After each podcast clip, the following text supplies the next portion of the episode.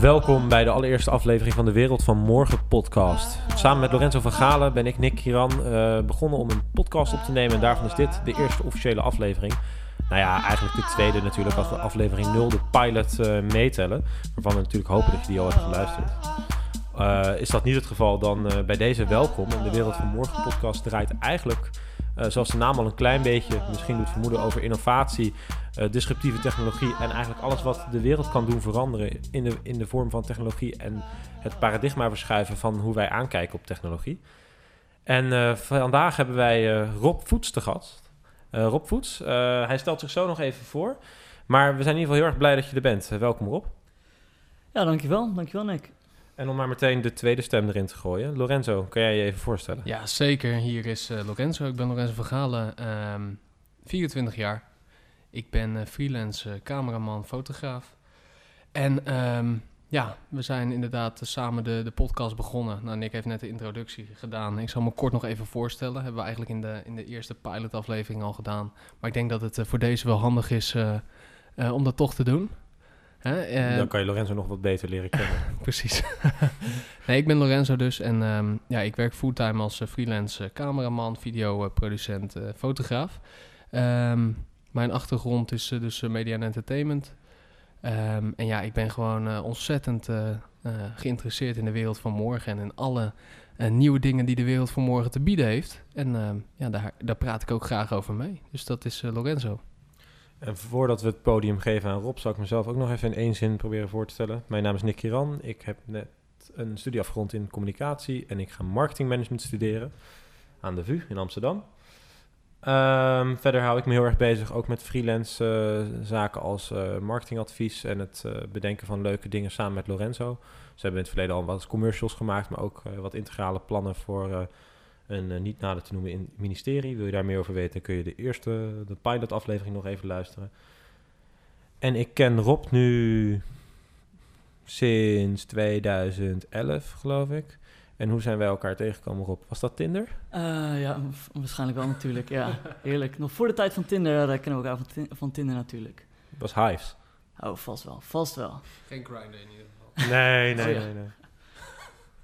Ach, maar eh, ja, ik, eh, ik ben Rob. Ik, eh, voor, ja, ik zal mij voorstellen inderdaad. Ik ben Rob Voets. Ehm, ik ben een product designer die voornamelijk werkte in advertisement. Ehm, en ik denk de laatste drie, vier jaar heb ik een redelijk specifieke blik ontwikkeld op technologie, ehm, interacties, ontwerp en het creëren van experiences. Dus zeker voor mij is dat een, een, een mooi idee en een goed idee om te kijken naar de wereld van morgen. Wat redelijk wel aansluit op, op onze podcast vandaag. Ja, je zegt het al een klein beetje zelf, het creëren van experiences. Volgens mij eh, werk jij niet in Nederland, Rob. Eh, nee, dat klopt, dat klopt. Ik heb ehm, de afgelopen twee, tweeënhalf jaar in het buitenland gewerkt. Ehm een jaar heb ik de kans gekregen om in New York te werken voor redelijk gerenommeerde klanten die vooral in New York de, de hele stad op zijn kop zetten, nieuwe experiences creëren en ja, redelijk wat, wat markten eh, gedisrupt hebben, op zijn kop gegooid hebben. En ja, eigenlijk tegen de, de gevestigde orde willen schoppen om het zo voor de gebruiker ja, zo gemakkelijk en zo mooi mogelijk te maken. Mag je daar ook een naam van noemen of is dat eh, onder het strikte NDA? Eh, nee, ja, ik heb onder andere gewerkt voor leuke klanten als een Victoria's Secret voor Nike. ehm, wat dingen voor Samsung. Dus zeker leuke klanten om, eh, om voor te werken. Oké, en Lorenzo, om jou nog een vraag te stellen. Waar kunnen mensen deze podcast vinden als ze dit voor het eerst bijvoorbeeld luisteren nu op een Soundcloud? Waar staan we nog meer in?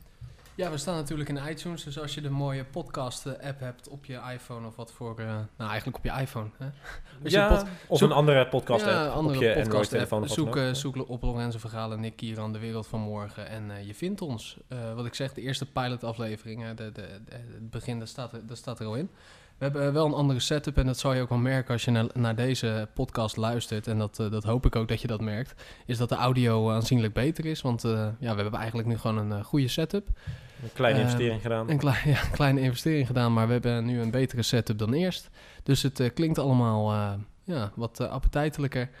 En ehm, ja, we zijn dus te vinden op Soundcloud, iTunes. maar zoek ons ook op op Twitter, Instagram, nou, ja, Facebook kan ook. Wat je wilt. Wat je wilt. Google Nick Kieran of Google Lorenzo van Galen. En je vindt genoeg over ons. Je vindt onze website, Twitter, Google, eh, Google Plus, Hives, nou, you name it. En natuurlijk Rob Foods ook. eh, eh, Foods Design. Dat is, eh, Ja, ja, zeker. ja precies. Zoek daar ook op en dan kan je zien wat, eh, ja, wat Rob bezighoudt en eh, waar die bezig mee is geweest. Zijn je nou website, Lorenz? Ja, zeker. Ehm, hopelijk. Wat een bruggetje. Ja, ja, ja. Echt, dit is, Ja. hier is zelf over nagedacht. Water, Ja. waterbrug, ja, nee, zeker. Ehm, hopelijk vanaf ehm, na deze podcast of de volgende podcast staat eh, de website van de wereld van morgenpodcast.nl online. Ehm, hier, ja, hierin hebben we geprobeerd om eh, wat meer context te geven om de podcast heen. En ja, een redelijk ehm, immersive experience te creëren om, ja, ehm, Podcast te luisteren. ja, ja, zeker. ja, toch? En meer informatie terug te vinden uiteraard. en te reageren op dit soort podcasts. Dat gaat dan ook allemaal op dat punt eh, komen. Dat is in ieder geval het idee. Eh, dus wij eh, kunnen heel trots zeggen nu dat wij een website hebben straks. Die gemaakt is door, Ja, door Rob. door, ja, ja. Rob Food. Ja. door, door Voets Design. hè. Foods Design, inderdaad. Ja. Gaan we meteen door met ons format. Twee onderwerpen. Dat we wat dieper, dat we wat dieper ingaan op, op twee ja, onderwerpen die ingaan op de wereld van morgen. Ja, Eh, introduceer eens even. Wat, eh, waar gaan we het vandaag over hebben? Nou, het eerste onderwerp is eigenlijk een stukje evolutie van de, van de markt van technologie. Eh, waar we vooral gaan kijken naar pro-tablets en de- eigenlijk wat de hybride oplossing zou moeten zijn van tablet en computer. We kennen allemaal de iPad Pro van Apple en de Surface Pro van Microsoft. Ehm, verder gaan we in het tweede onderwerp gaan we, gaan we wat dieper in op hoe wetgeving zich zou moeten aanpassen op de wereld van morgen. Denk hierbij aan het, eh, aan het, aan het aanbieden van eh, Uber-diensten, van, van Airbnb-achtige zaken. En hoe eigenlijk wij als wetgeving daar in verschillende landen ook nog eens eh, mee omgaan. En of dat goed is, of dat niet goed is en hoe we daar ook mee om zouden moeten gaan. En eh, daar gaan we ook eigenlijk meteen mee beginnen. Dus eigenlijk, eh, eh, als je af en toe een klikje hoort trouwens, dan is dat onze huisfotograaf die een eh, foto maakt. Er zitten allemaal mensen om ons heen nu. Een heel team van producers. eh, als je heel goed oplet, zie je ze vast wel zitten hier. Helaas hebben we hier geen beeld bij, maar eh, we kicken meteen af met, de eerste, met het eerste onderwerp. En dat is eh, wat ik al zei, die Pro-tablets. Voor, mijn, voor mijn Apple-blog appelstijl.nl heb ik de Surface Pro 4 mogen testen. En heb ik ook Apples nieuwe iPad Pro in mijn handen gehad. Eh, waarvan de vraag rijst bij heel veel mensen, hoe pro zijn deze producten nou? Als ik Ja. een- ja, Lorenzo is eh, professioneel eh, video, video, videomaker en fotograaf. Rob is designer, dus die vragen beide heel veel van hun computer. Ja. Ik ben op een andere manier misschien wel pro of misschien niet. Eh, maar ik, eh, ik gebruik meer de Office-achtige pakketten zoals Excel, Word, eh, Mail en, en de equivalenten daarvan. Ja, dus we hebben eigenlijk twee gebruikers hier aan tafel zitten. Hè? De, De creatieveling. De, creatieveling, hè? de- wat ook Jullie professioneel gebruikt wordt. Hè? Het is niet dat wij, wij een leuk kader om ons, om ons selfie willen zetten, maar we willen er echt wat, wat mee, mee creëren. En we hebben jou... de white-collar crimineel. ja, de precies. Nee, maar de iemand tafel, die ja. hem inderdaad gebruikt voor, voor Office, PowerPoint, you name it. Dus we hebben eigenlijk twee soorten gebruikers. Ja, en eh, Rob zit hier niet voor niets bij. Eh, nou, ik denk dat de introductie van een iPad Pro eh, wel een klein beetje handig is. Ik zou hem omschrijven als een wat grotere iPad, zoals we hem allemaal kennen. Waar Apple wil dat ontwikkelaars nieuwe software van maken die wat meer pro zijn. Die samenwerken met een pennetje die erbij bij verkocht wordt. En bij de Microsoft Surface Pro is een iets andere filosofie. Dat is gewoon een computer in, de, in het jasje van een tablet ge- gegoten. En daar draait een volledig besturingssysteem op, zoals, waar dus je software op kan draaien als Photoshop en dergelijke. En daar wordt een pennetje ook mee meegeleverd. Dus je ziet eigenlijk wat er heel erg in terugkomt, is een touchscreen. Vaak ook een accessoire van een toetsenbord die er vast aan vastklikt. En het pennetje lijkt ook integraal onderdeel te zijn van deze nieuwe productgroep. En dan is Ja, eigenlijk... eh, waarom eigenlijk? Ja, ik, ik, ik vraag me dan ook echt af. Ja. eh, Ja, aan, want, kijk, die pen? ja, ja, Apple positioneert hem sterk als apparaat voor de, voor de creatieveling. En daarom zit Rob hier ook. Ik heb daar zo wel leuk, eh, leuk trouwens een leuk verhaaltje over uit, eh, uit Tokio. Eh, Mhm. Daar kom ik zo even op terug voor de iPad Pro. Ja, maar Rob, wat vind jij van een Pro-tablet? Al even onafhankelijk of dat nou Microsoft of Apple maakt. Ehm, ja voor, voor mij voelt het nog steeds aan dat het ehm, nog vis, nog vlees is. Ehm, op het moment, qua invoermogelijkheden, is het ja, een stap in de goede richting.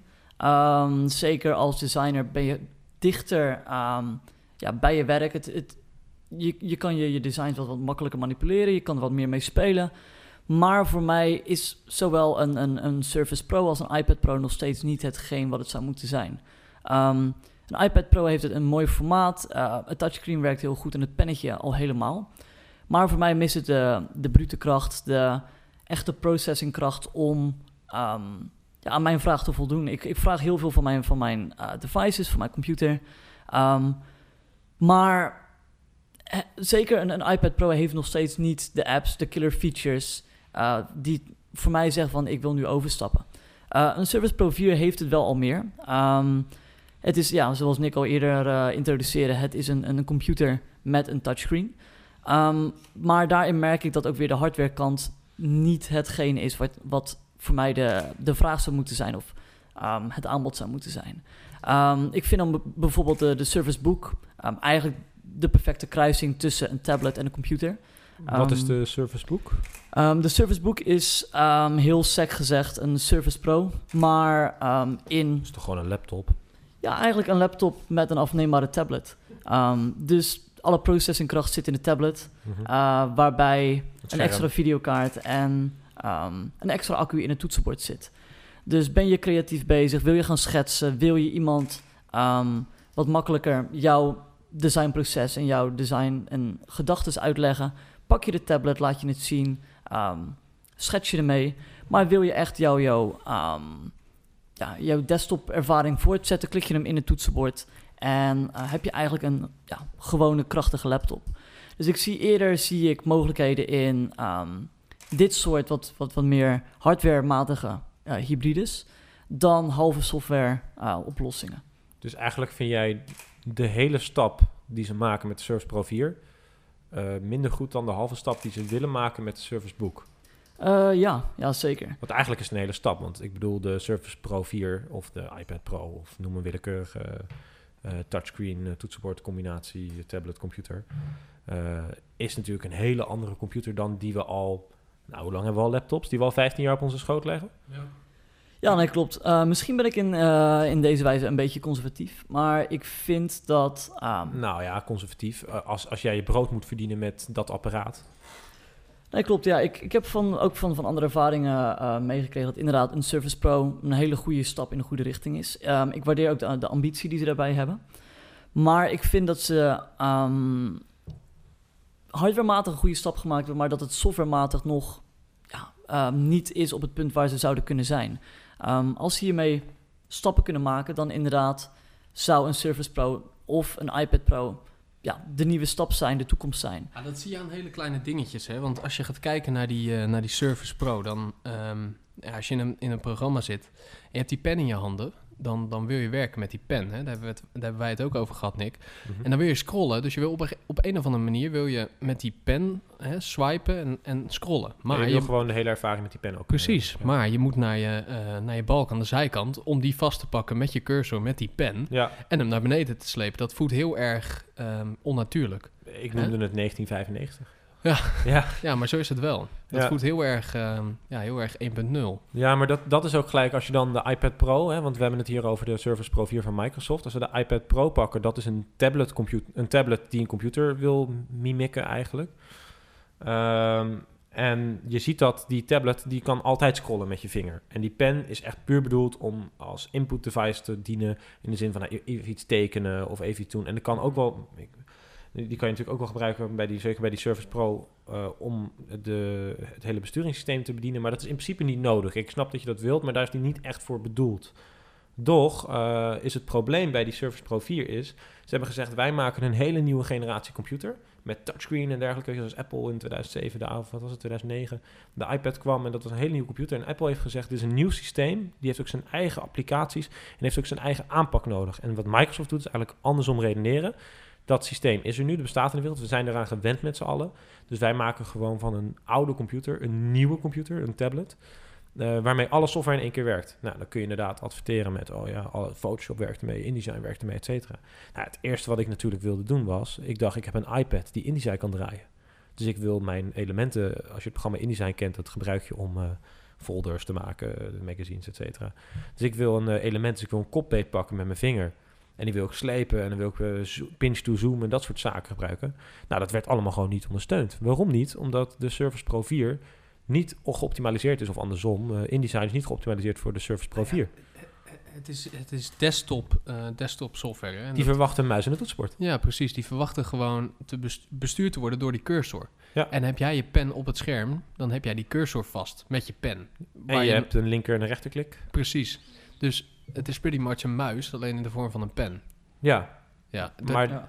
Hij volgt wel je, je, je, inderdaad je movement. Dus hij, hij volgt waar je je pen houdt. Maar als je wil klikken, moet je echt tikken. En tikken en dan weer slepen. Ja, dat Ja, soort dingen, dat werkt Kijk, allemaal gewoon kijk, nog niet. we- Weet je wat het is? Kijk, als je, je, je kent de Wacom eh, tablets, hè? Die, je- die je voor je computer eh, neerlegt en Mhm. die sluit je aan met USB. Mhm. Nou, dan heb je hetzelfde. Ja, nee, maar een- dat is echt gericht op een illustrator. Precies. Of op een Maar- designer. Kijk, dat werkt ook wel. Als je, als je Photoshop open hebt of InDesign en je gaat tekenen met die pen, want dat Mhm. doe je met je cursor, dan Ja. werkt zo'n pen. Ja. Eh, maar in de, in de rest van de ervaring werkt zo'n pen Ja, maar daar is die. Ja. dan is ook de vraag, is die daarvoor bedoeld? Ehm, ja, dat is het, het probleem dus. Kijken En, wij niet met een andere blik naar het product dan dat die is bedoeld? Dat is mijn vraag. ehm, ik denk het niet. Ik denk dat ze het, eh, het marketen als inderdaad, hoe wij het hier bespreken, het paradigma waarbij de pen wordt gebruikt om, het hele, ehm, om jouw hele proces te kunnen besturen. Mhm. Ehm, maar wat ik dus, is- dus denk dat onder andere bij inderdaad een iPad Pro ze het in het besturingssysteem goed voor elkaar hebben. Ehm, waarbij een goede splitsing gemaakt wordt tussen het gebruik van een pen, eigenlijk de creatieve eh, input, en de vingers voor de algemene input. Waarbij op een Surface Pro wordt eigenlijk zowel je vinger als een pen als you name it, als een generiek invoerapparaat gebruikt. Nou, bij de Surface Pro zit in een toetsenbord. Want ja, die, die moet je er dan los bij kopen, geloof ik, voor 130, 140, 150 euro. Maar ja, dat, je kan zeggen dat is duur, maar ja, iedereen koopt dat ding erbij. Want de Surface Pro is niet de Surface Pro van het toetsenbord. Ja. Bij de iPad Pro ligt dat iets anders, denk ik. Want dat is ook, ja, nogmaals, een beetje toepassing wat je ermee doet. Ehm, maar in dat toetsenbord dus van de iPad Pro zit geen trackpad, dus waar je met een muis. Eh, maar bij die Surface Pro zit die wel. En dan ga je natuurlijk afvragen van ja, iedereen gebruikt dus op een gegeven moment. Ik heb ook dat ding gebruikt. Ik gebruikte alleen nog maar trackpad. Ik gebruikte hem eigenlijk gewoon als laptop. Ik heb mijn vingers niet op het scherm gehad terwijl ik ermee aan het werk was. Dus dan is het misschien wel die ultieme samensmelting. Maar dan zit ik eigenlijk op een inferieure laptop om te werken. Ja. eh, voor een functie die ik niet gebruik. Ja, en dat is eigenlijk hoe ik het op ehm, dat moment dan. ook introduceerde. Dat de hardware, hardwarematig werkt het allebei super top. Maar softwarematig is het nog een, een halve stap. Het is Mhm. een stap in de goede richting. Maar er zullen in mijn op- optiek nog generaties overheen gaan totdat zij ja, het goede paradigma hebben kunnen vinden tussen wat nou een tablet is en wat een, een computer is en hoe dit bestuurd moet worden. Hey, maar we hebben, het over, we hebben het over die pen, hè? Dus ehm, we hebben het steeds over die pen. Laten we Mhm. eens kijken naar de iPad Pro. Ja. Die zijn, eh, de iPad Pro is op de markt gekomen, een grote iPad. 800 euro geloof ik vanaf. Nou, 949 is die. De Oh. 32 gig, eh, Oh, het basismodel. nou ja. ja. Oké. Ja, dus... Hoog, eh, hoog intre- intreden. Ja. ja, ja, dit is, dit is een hoop geld. Ik bedoel, je hebt voor hetzelfde geld, als je goed oplet, een, eh, MacBook een, Air. een, een MacBook Air 13 inch. In, eh, met een, ja, precies, met 128 gigabyte eh, Ja, alles erop eh, geheugen, alles erop en eraan. Ehm, dus ja, Ik- Pro trouwens ook zoiets rond. Ja, dus ik ben me heel erg af gaan vragen voor wie, voor wie is dit apparaat?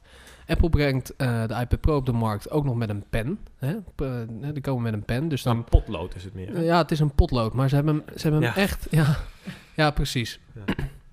Maar ze hebben hem echt gericht op de, ehm, ja, op de tekenaar, hè, de maker. Hè? Daar, Dat- je- dat- je- ja, met die Apple Store in Brussel, daar gingen ze ook op, in op, de, op het strip tekenen en dergelijke. Ja, precies. Daar kwam die ook goed terug. Nou ja, ik ben dus eh, twee, weken in, twee weken geleden in Tokio geweest. Daar liep ik een willekeurige Apple Store in Harajuku in. En daar was dus een, ehm, een eh, ja, workshop bezig van Demo, een, eh, ja. een demo van een, ehm, een Spaanse eh, illustrator. Die heeft heel zijn leven gewerkt met, met pen en papier. En dat was best wel een grote naam, want ik heb hem even opgezocht. Mhm, Ehm, hij werkte onder andere voor New York Times, deed echt hele leuke dingen. mhm. En dat- hij, hij zei ook, eh, ik, ik ben een hele traditionele eh, illustrator. Ik teken Ik met... werk niet met de waakoms van deze Nee, wereld. precies. Hij, hij deed echt gewoon met pen en papier. Maar die beste man stond daar met een iPad Pro en een, eh, en een pen. Dus ik denk, nou, nou dat, weet je, dat, dat zal, het, zal het zijn. Is dat de ultieme endorsement of werd hij er gewoon heel goed voor betaald? Ja, dat, dat vroeg ik me dus af. Want ik heb daar dus een, een tijdje staan kijken met mijn jetlag. En ehm, ja, er stonden allerlei uh, Japanners. En a- elke zin moest ook vertaald worden in het Japans. Dus het duurde allemaal heel Duurde lang. Een slepende, slepende workshop was het. Maar dat tezijde. Dus ik stond daar goed op te letten. En, en ik dacht van ja, is dit, is dit wel echt het eh, apparaat voor, voor deze mens? Want dan, dan zou je denken, nou dit is, dit is een perfect apparaat voor, voor zo'n man. Zo'n illustrator en tekenaar. Dus eigenlijk wat je Maar zegt, is toen hij die- is te specifiek. Nou, toen, ja, precies. Maar toen die man dus bezig was, toen vroeg ik me echt af... ja, is dit, is dit wel het apparaat waar hij mee wil werken? Wordt hij niet alleen maar goed betaald en heel de wereld overgevlogen? Want ik had het idee dat hij... eh, het, het voelde heel geforceerd aan, snap je? Dus, Oké. dus ik, ik, ik heb het idee dat zo'n pen wel werkt, maar Misschien als dat je... hij ook last van zijn jetlag. Ja, maar als je echt zo gespecialiseerd bent, misschien ben je dan wel op zoek naar iets meer gespecialiseerd iets. Want ik heb het idee dat het wel een leuk spelending is. Hè? Mhm. Net zoals zo'n pen van Paper 53, die heb jij laatst Ja, eh, die heb ik gekocht. Mhm. Ik zie daar niet heel veel verschil in. Nou ja, het, nou, drukgevoeligheid, het druk, natuurlijk, het werkt beter. werkt veel beter Mag met ook. Apple Pen. Ja. Mag ook, Kost ook 119 euro. Koop je een dure iPad voor. precies. Dus, dus dat mag ook. Ik bedoel, voor 119 euro heb je ook gewoon een uh, Wacom tablet die ook drukgevoeligheid heeft. En die kan je gewoon Maar gebruiken past op je dan weer niet MacBook. in je tas. Nee? Als standalone apparaat. Nou, als je je tas toch eh, bij hebt. Nee, maar dan moet je ook je laptop meenemen. Ja, kabel oké. aansluiten. Het, is, Ja. het is wel een ander product. Ja, oké. Maar ik, ik, het voelde heel geforceerd aan. Dus ik, ik voel hem niet. Is, het, is, het, is de iPad Pro en die pen echt gericht op, op dat soort mensen? Op die groep? Want die is volgens mij heel klein.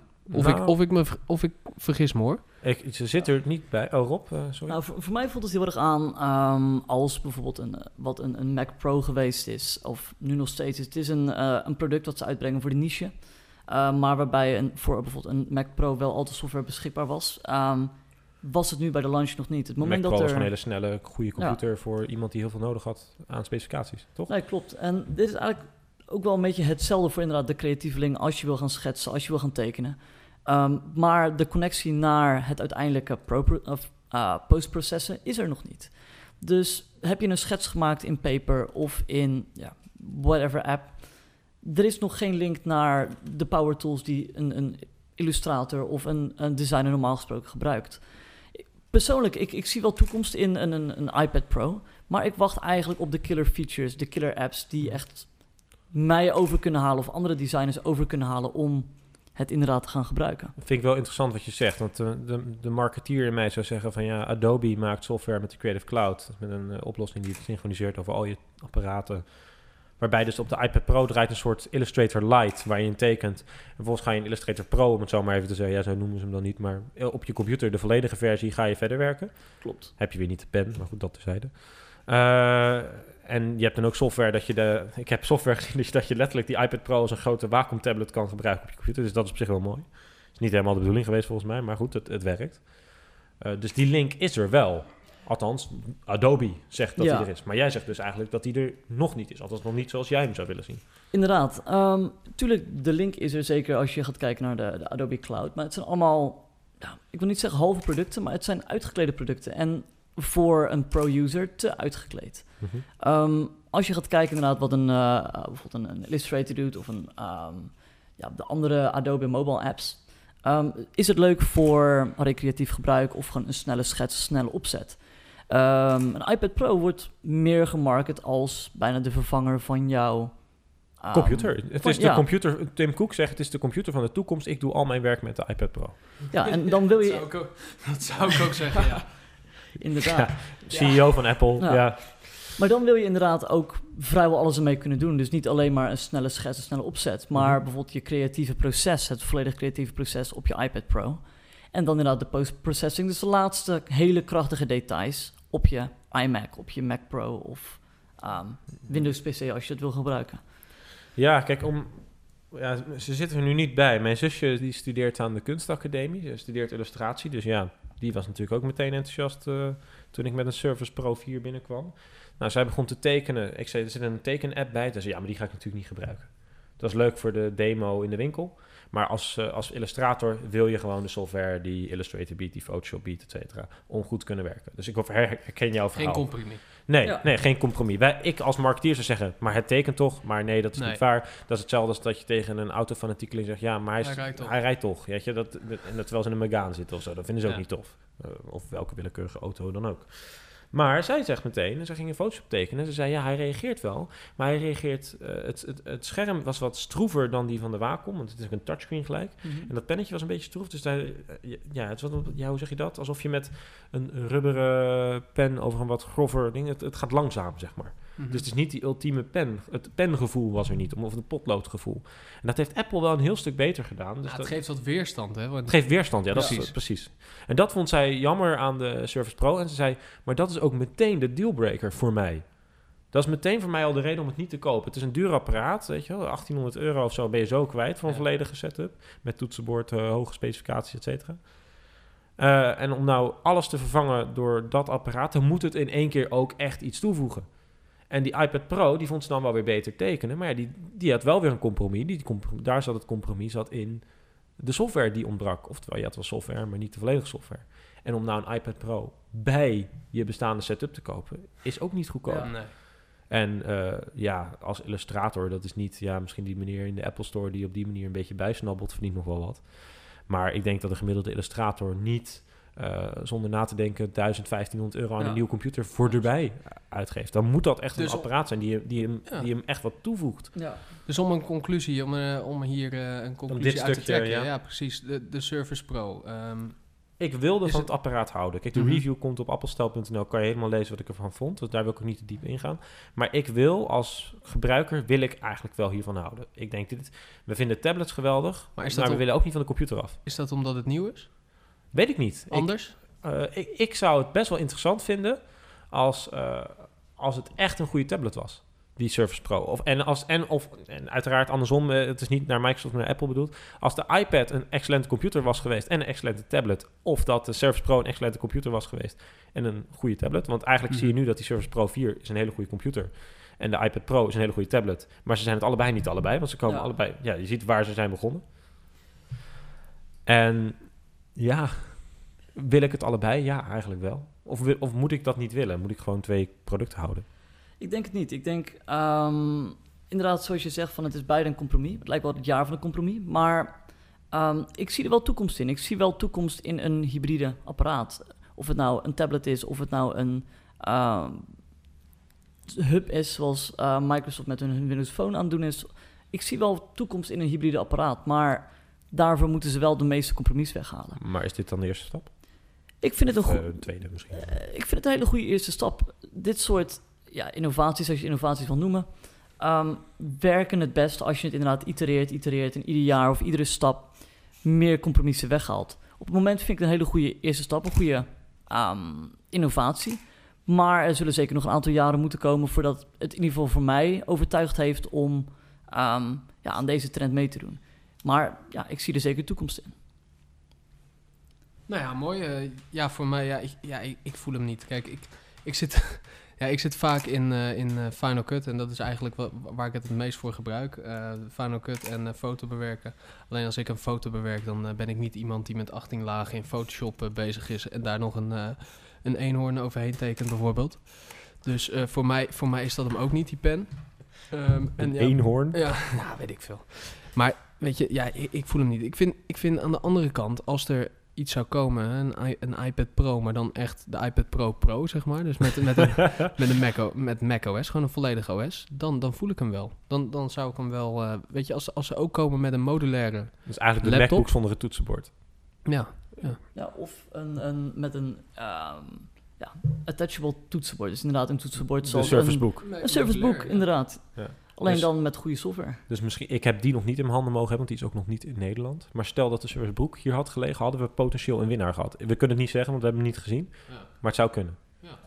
Ja, inderdaad, daar zie ik inderdaad de potentie in. Eh, ben je onderweg, neem je alleen de tablet mee, kom je thuis, klik je hem vast. En heb je eigenlijk de volledige eh, hardware experience die je wil hebben als een, een pro-user.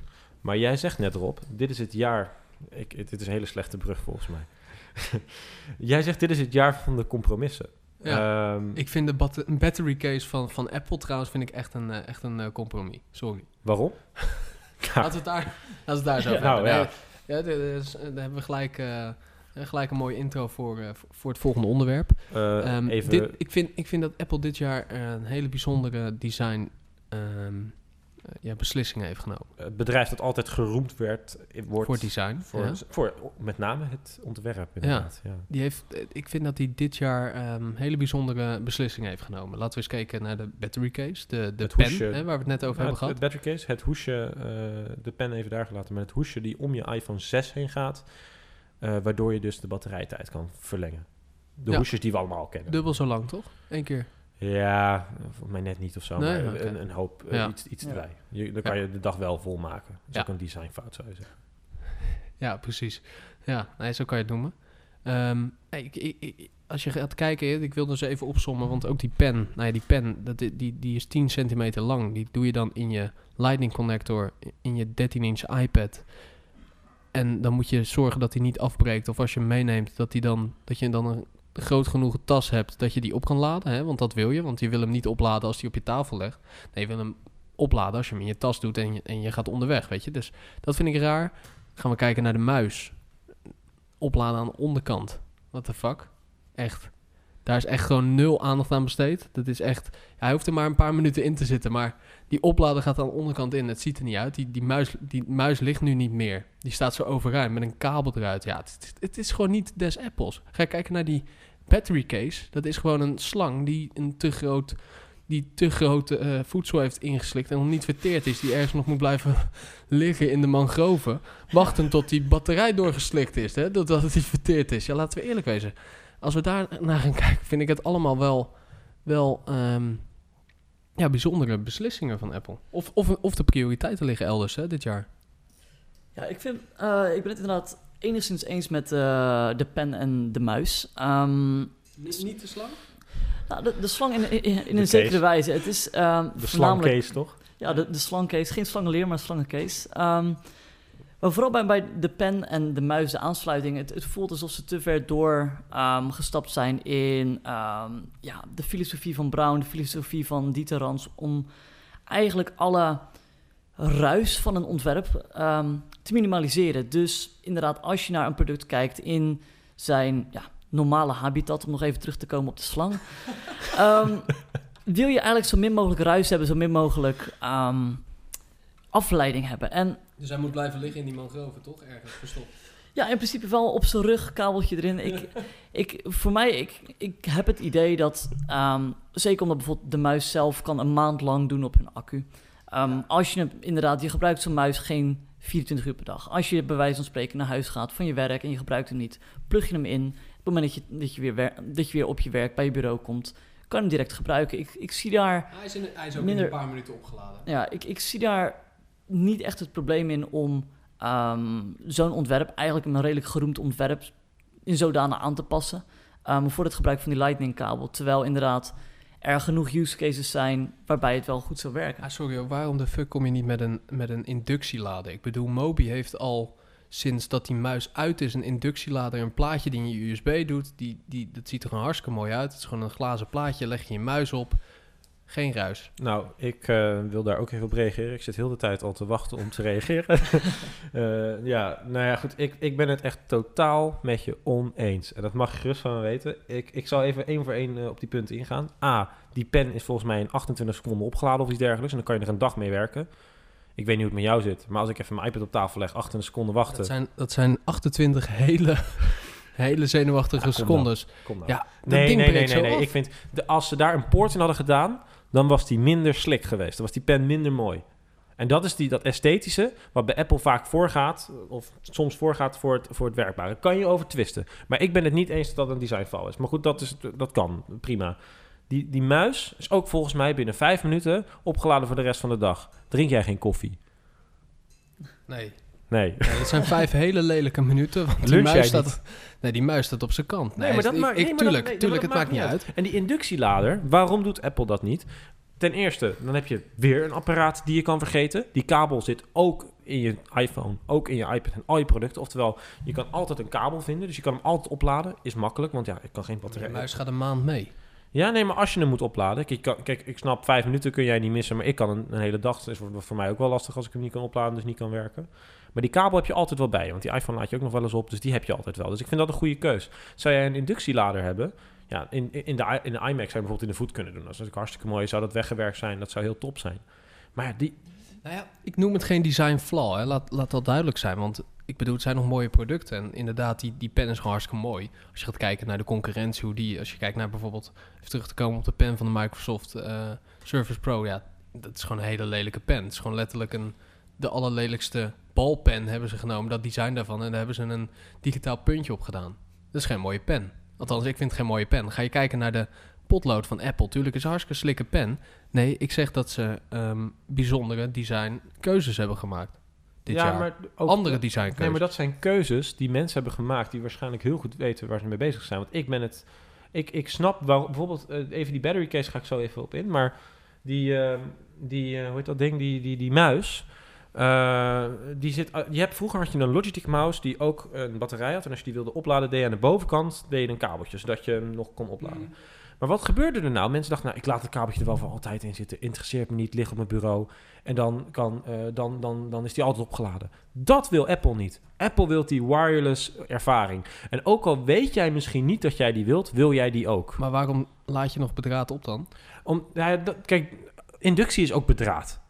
Kom op, het enige verschil is dat het kabeltje niet in je muis zit, maar in dat plaatje of in de muur. Maar daar zouden hele mooie, mooie oplossingen voor kunnen bedacht worden. Het enige is alleen dan wel dat je dan dus wel ook weer een, een extra accessoire hebt, zoals Nick al, al eerder noemde. Ehm, een lightning kabel heb je, als je inderdaad een, een redelijk Apple gebruiker bent, heb je wel ergens een, een lightning kabel liggen. Hij zit er ook bij.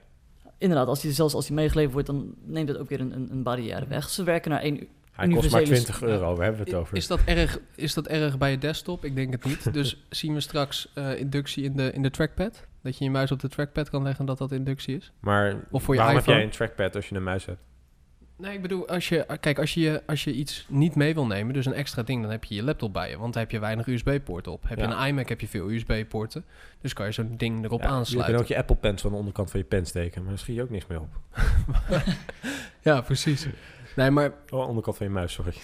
nee, maar ik, kijk, ik zeg, ik zeg niet dat het een design flaw is, maar ik vind het, ik vind het apartere keuzes. En te bedenken dat er 800 mensen op een, eh, op een eh, eh, iPhone-camera zitten. ja, dat heb ik gelezen, ja. Ja. Of dat, was, dat kwam in het nieuws. 800 man werken 800, er bij Me- Apple. 800 mensen. 800, ja. Ja, Dat is, Dat is groter veel, dan het gemiddelde MKB middelkleinbedrijf, eh, denk ik, in Nederland. Die werken aan één onderdeel van de iPhone en dat is de camera. Al is het natuurlijk wel ehm, leuk om ook te benoemen dat in zo'n camera zitten ongeveer 2200 onderdeeltjes in een camera van nog geen centimeter groot. Dus op zich kan ik, Millimeters. ja, kan ik inderdaad wel begrijpen dat er zoveel expertise nodig is om zulke kleine stappen te maken. Denk aan de, de 80%. Maar is dat 20%. focus? Nou, ik, ik, ik ken een, eh, ik ken een, eh, een start-up. Dat, eh, dat zijn een paar jongens. Een paar eh, eh, jongens die... eh, dan kom ik even op het filmgedeelte. Die zijn een camera, een modulaire camera aan het maken. Die is ongeveer 10 centimeter groot. En die filmt 6K in 1000 frames per seconde. Die kan je nu bestellen. Kost 3000 euro geloof ik. Is een bouwpakket. Maar ik bedoel, die doen dat met z'n drieën. Die jongens zijn met z'n drieën en die zijn daar een paar jaar mee bezig. En die maken een veel, veel interessantere camera dan, dan Apple aan het doen. Ja, maar dat zeg jij. Maar wat je, dat zeg jij als filmmaker, bedoel ik meer. Ja. Eh, ehm, wat je niet moet vergeten is, Apple maakt geen camera voor een, een niche doelgroep die voor 3000 euro zijn eigen bouwpakket koopt. Nee, Apple maakt een camera voor, nou, hoeveel iPhones verkopen ze? Misschien een miljard iPhones per jaar. Die ze totaal verkopen, of weet ik het wel. Of honderden miljoenen iPhones. Dus dat product moet gewoon in één keer, als jij op dat knopje drukt, zeg maar die autofunctie van dat ding, moet in één keer een geweldige foto maken. Ja. En dat is de expertise die daarin zit, denk ik. Als je je bedenkt dat er 800 mensen op een camera zitten, hoeveel zitten er dan op de batterij? Ook, ook kijken naar die case, hè? Ja, Want die ik- case is een oplossing voor Wil- de fout die daar gemaakt is. zou wil jij zeggen. straks een betere camera? Die, die camera is al echt prima van de, van, de, van de 6S. Wat je wilt is straks zonder een battery case, dubbel zo als Apple met de volgende iPhone komt en ze hè? dan, dan heb je innovatie. Dan heb je, dan heb je een, een, een salespunt waarop mensen zeggen van, nou, daar heb ik echt wat aan. Nou ja, voor, eh, Rob, één momentje. Natuurlijk. Voordat we daarop ingaan, eh, heeft Tony Fadel, eh, bedenker van The Nest eh, en CEO geloof ik ook van het bedrijf, dat inmiddels is overgenomen door Google, de slimme thermostaat. Ja. Eh, en eh, een van de grondleggers van de iPod eh, in de jaren 2000, van het klikwieltje. Eh, die, heeft, die heeft een bepaalde visie op design. Ik denk een, een van de grotere designers, denk ik, Van onze productdesigners tijd. Ja, van onze zeker. tijd. Eh, en laten we even luisteren naar wat hij zei in een eh, TED-talk een aantal jaar geleden. As human beings, we get used to everyday things really fast. As a product designer, it's my job to see those everyday things, to feel them, and try to improve upon them. For example, see this piece of fruit? See this little sticker? That sticker wasn't there when I was a kid. But somewhere as the years passed, someone had the bright idea to put that sticker on the fruit. Why? So it could be easier for us to check out at the grocery counter. Well, that's great. We can get in and out of the store quickly. But now there's a new problem. When we get home and we're hungry and we see this ripe, juicy piece of fruit on the counter, we just want to pick it up and eat it. Except now we have to look for this little sticker and dig at it with our nails, damaging the flesh. Then rolling up that sticker, you know what I mean, and then trying to flick it off your fingers. right? It's not fun. Not at all. Ehm, ja, ik denk zeker hoe, als je gaat kijken naar wat, wat Tony Fidel zegt, dat ehm, het je is... moet het voelen. Ja, inderdaad. Maar het is, op het moment is het vooral het, het ehm, aanpassen van de gewoontes en het gebruik van de gebruiker. Daar is inderdaad die, die hele battery case een heel goed voorbeeld van. We zijn natuurlijk in de laatste, zeg, 7, 8 jaar gewend geraakt aan het feit dat onze telefoon maar een dag meegaat. De, de uitzonderingen die, die daar nog wel zijn, zijn de mensen die inderdaad hun telefoon niet twee keer per dag willen opladen of misschien één keer per dag willen opladen Het zijn er wel veel. het zijn er inderdaad een, een hoop. En ik denk dat daar inderdaad ook een, een, een flaw ligt. Ehm, voor ons als in de focus, wat, wat Apple nu legt op de camera, zou bijvoorbeeld op de accu gelegd kunnen worden. Maar vooral qua gebruik. En ehm, Apple komt daarom dus nu met een case uit ehm, die aan die gebruikers een, een, eh, ja, hun, hun no- nood kan voorzien. Maar Ja, nou, ik vind, kijk, Apple zal hem verdedigen, hè, die Apple, ca- die i- i- Ah, het battery is een case. compromis, toch? Ja, Ja. precies. Zij zeggen Dus- van, als jij meer batterijduur nodig hebt, koop je deze ja, case. om en ont- terug te komen op het Ja. eh, compromis. Nee, maar ja. Apple maakt keuzes voor de gebruiker. Dat, is, dat doe je als ontwerper. Weet je wel, als een koelkast een meter hoog is, dan kies je ervoor dus dat mensen dus zoveel in een koelkast stoppen. Dat is normaal. Daar passen we ook ons op aan. Alleen die iPhone, als, als jij een gebruiker bent die continu eh, zijn iPhone moet opladen meerdere keren per dag, dan betekent dat dus dat die, dat, dat ontwerp van die, eh, van die telefoon niet aansluit bij jouw behoeften. Alleen dan zal, kijk, wij hebben die data niet. Die heeft Apple wel. Als Apple weet dat de helft van haar gebruikers of meer, of weet ik het wat, dat ervaart, want die battery case is er ook alleen voor de 6S en niet voor de Plus, want die heeft een aanzienlijk betere accuduur. Dan merk je ook gewoon dat, eh, dat, ja, dat, dat die iPhone eh, verkeerd ontworpen is. Althans, Ja. dat vind ik. Ik vind, ik moet bijvoorbeeld, ik heb een 6S Plus. Eh, ik, op een normale dag is die heel snel leeg. Eerlijk is eerlijk. Als ik nu kijk naar mijn 6S Plus, zit die nu op 60%. En nou, we nemen dit op om 12 uur 's middags. En ik heb, nou, heel veel heb ik er niet mee gedaan. Ik heb in de metro muziek geluisterd, die, een half uurtje. Drie uur eh RTL XL gekeken en, Nee, en nee, acht nee. uur eh, YouTube gestreamd. Maar verder, En verder niet heel veel. Ja, tussen eh, vanochtend en 12 uur vanmiddag inderdaad. Ja. Dat- Maar voor de rest, eh, nee, nee, ik heb er echt heel weinig mee gedaan. En ik merk gewoon aan mezelf, ik ben een gebruiker die het wel nodig heeft. En ik weet van jullie twee dat jullie dat ook zijn. ja, nee, zeker. Ja, maar laten we eerlijk zijn, wie niet? Nou, maar dat vind ik ook interessant. Ik, eh, ik zat eh, de podcast van The Verge te luisteren. Dat is een grote technologie-site. Dat heet Control Walt Delete. Waar Walter Isaacson, een, een oude gediende in de techwereld, ingaat. eh, samen met de nieuwe editor van The Verge, de hoofdredacteur Nilay Patel. Waar Nilay Patel heel erg kijkt op zijn blik van nu, gaat hij samen met Walter Isaacson terugkijken op wat Walter heeft geschreven in het verleden over bepaalde dingen. En wat ik grappig vond, is was dat ze een bruggetje hadden gelegd tussen de verwisselbare batterij van de laptop vroeger. Je kon vroeger kon je die laptopbatterij eruit klikken. In elke laptop kon dat ook in Apple laptops. Echt, dan heb ik het echt over tien jaar geleden of zo. En een extra laptopbatterij kopen. Voor als die oud zou worden en niet meer zo goed zou werken. Of wanneer die, eh, ja, hoe zeg je dat? Ehm, wanneer je een extra batterij nodig had. Dus gewoon als je onderweg was en je wilde extra juice, dat je hem er een en eruit klikt en dat je een nieuwe, een nieuwe batterij hebt. Eh, maar op een gegeven moment eh, eh, bleek dus dat ongeveer 5% van de totale markt, of minder misschien zelfs, van de consumenten, slechts die tweede batterij kocht. En nog minder die hem gebruikte, want dan had je hem en dan gebruikte je hem niet. Dus Apple kwam op een gegeven moment, die zei van ja, wij, wij, wij doen onze batterij vast in onze case. En dat was in de, in de, in de laptopwereld was dat echt shocking op dat moment. Mensen helemaal van, dat was zeker met de iPad Air of MacBook Air, was helemaal van ja, geen verwisselbare batterij. Hoe kan je dat doen? What the fuck is dit? Eh, hoe, hoe, hoe, verzin je het? Dat waren dan alle tech-journalisten. Dat waren waarschijnlijk die 5% van de mensen die wel. eh, want die zitten inderdaad 24 uur per dag eh RTL Excel tot, tot andere dingen te doen op hun laptop of aan het werk. Eh, maar ja, Apple keek naar de wereld en die zei: ja, de consument heeft geen extra batterij nodig, want die, die, heeft dat, die, heeft, die hoeft zich niet, dat niet bij zich te dragen. Er zit al genoeg in het apparaat. Maar als we nu kijken naar de wereld van vandaag, en dat is ook leuk met het oog op de wereld van morgen. En de wereld van morgen. Ja, ja. Ja, dat zei... eh, is dit een mic check, eh, Lorenz? Ja. Eh, maar we zien dat we meer batterijleven nodig hebben. Dus eigenlijk de, wat, wat Walter Isaacson toen schreef, was van ja, de, de externe batterij is weg omdat mensen niet meer met extra batterij in de tas lopen, is dat volledig omgedraaid. Iedereen die ik ken heeft tegenwoordig in zijn tas, althans iedereen die ik ken, dat klinkt een beetje extreem. Heel veel mensen die ik ken hebben een extra Mofi-achtige batterij Ja. of zo'n case. Maar laten we, laten we gewoon eh, ook een beetje afronden op dit, eh, dit onderwerp. De toekomst, hè, de, de wereld van morgen. Ik denk dat een van de belangrijkste dingen, zo niet het belangrijkste, en dat kan op kleine schaal zijn, maar ook op hele grote schaal, ehm, is, het, eh, is het ontwikkelen van een batterij. Ja, maar Kijk, kijk, kijk naar, de, naar je iPhone, hè, die, je wil dat die twee dagen meegaat. Ehm, kijk naar een Tesla, kijk naar een elektrische auto. Je wil dat die in plaats van 500 kilometer, eh 1000 kilometer kan rijden. Ja, maar dat is de vraag. Kijk, we hebben nu een. Kijk, de, de batterijtechnologie is, schijnt eh, de, vanuit de chemische industrie te moeten komen. Die innoveert minder snel dan Moore's Law dat doet met de processoren Mhm. die elk jaar twee keer sneller worden. Als dat zo zou zijn, dan hadden we nu al verdubbeling, verdubbeling, verdubbeling gehad. En dat is er gewoon niet. Als ik kijk naar de aller, allereerste iPhone, die uitkwam in 2006, 2007, iets dergelijks, de iPhone 2G, dan kon je acht uur mee bellen, eh, zes uur mee internet en et cetera. Eh, die had 1400 milliampère. En die scoorde dan op zo'n benchmark, dat is dan een manier om de processor te testen, een score van 135. Ja. Kijk ik nu naar de 6S, dus niet de Plus, naar de 6S. Dat is dan, de, de- bench is dan eh, voor de processor, hè? De processor dat is voor de, ja, voor de kracht van het Precies, apparaat. niet, eh, niet van de batterij. Maar we doen veel meer met onze iPhones dan toen. Toen hadden we, gingen we bellen, hoogstens een beetje sms'en. Toen kwam WhatsApp op een gegeven moment. Nu doen we alles met onze iPhones. En heel de dag door. Echt letterlijk heel de dag door. Dat herkennen heel veel mensen vast wel. Maar op deze nieuwe, op die 6S, bel je bijna het dubbele. 14 uur. Eh 10 uur internet, dus dat is dan 4 uur meer.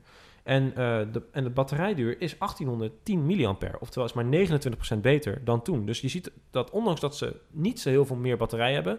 wel bijna verdubbeling hebben kunnen realiseren... door waarschijnlijk betere technologie, et cetera. En hij is wel 32 keer sneller geworden. En hij is 32 keer sneller Ja, geworden. En hij is dat denk ik is- ook drie keer zo dun. Ja. En groter. En groter. Dus Ja. waarom zou je dan zeggen dat de batterij maar zo... Nou, maar dan, dan is de aanname die wij doen... is dat als het apparaat bijvoorbeeld een centimeter... of een halve centimeter dikker is... dat de batterijduur verdubbelt. Nee. Maar als dat zo zou zijn... waarom heeft dan geen enkele fabrikant dat nog gedaan? Ik denk dat het ook iets is dat zeker ehm, dat het ligt aan de focus die er ligt. Eh, op het moment is natuurlijk, ehm, net als een paar jaar geleden met de megapixels, hebben we nu een, een diktewedloop.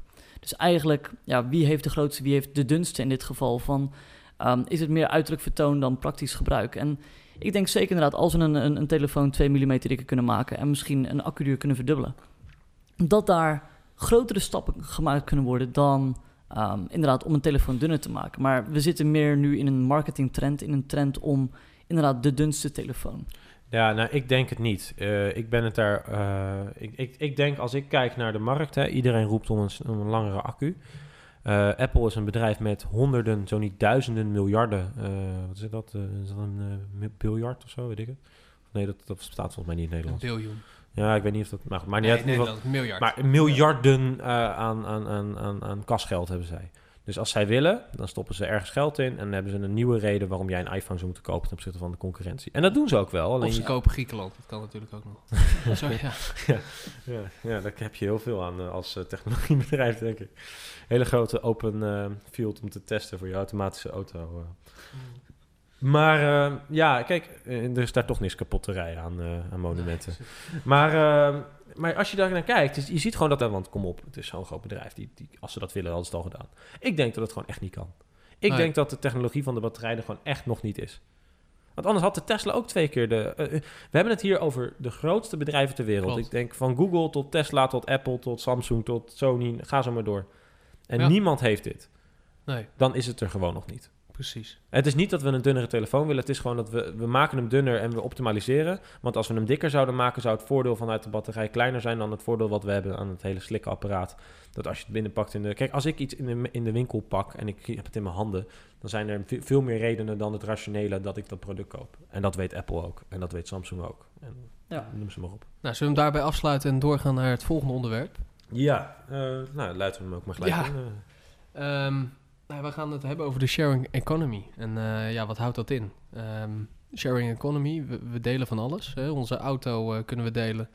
We kunnen ons appartement delen en daar geld voor krijgen. Nou, we lenen onze muziek. we lenen onze muziek, Spotify. precies, precies. Maar dat doen we al, al jaren natuurlijk van iTunes. Eh Nee, zelfs daar als we koop het je kopen. het. Daar koop je Ja, het. Maar het blijft lenen van we uit. Ja, oké. Maar het blijft, het blijft nog steeds van, van, van Apple. Ja, oké. Het gevoel, nou, ja, precies. Ehm, Je kan en een spijkerbroek huren.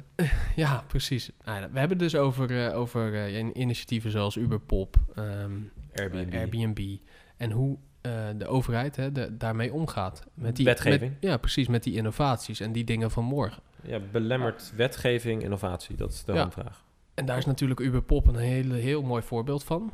Wat al, eh, ja, het je, je hebt nog wel gewoon Uberpop in, in Nederland, maar geen Uber Black. Nee, en net andersom. Ja. Of Ja. eh, Uberpop is eh, en de Black. Uberpop is de Ja, dienst precies. die jij met je eigen auto kan... eh, Precies. dan kan je gaan taxi rijden, waar er veel Precies, promotie om was. En Uber Black is gewoon... Wat een- hield het een in? Had ik een afgetrapte eh, eh, Fiat Panda uit eh, 86. Nee, nee, nee, nee, nee. Maar hij moest 2005 zijn of nieuwer. Echt? Ja, ja, ja, ja. Ook voor, oh, oké, nou ja, tw- 2005 Een afgetrapte Volkswagen Polo met een gast met een petje Ja. voorin. Precies, daar kon, Ja. jij, kon jij dus geld gaan verdienen. En er was natuurlijk heel veel, eh, ja, heel veel om te doen. Er werd heel veel geld verdiend, heel veel geld verdiend.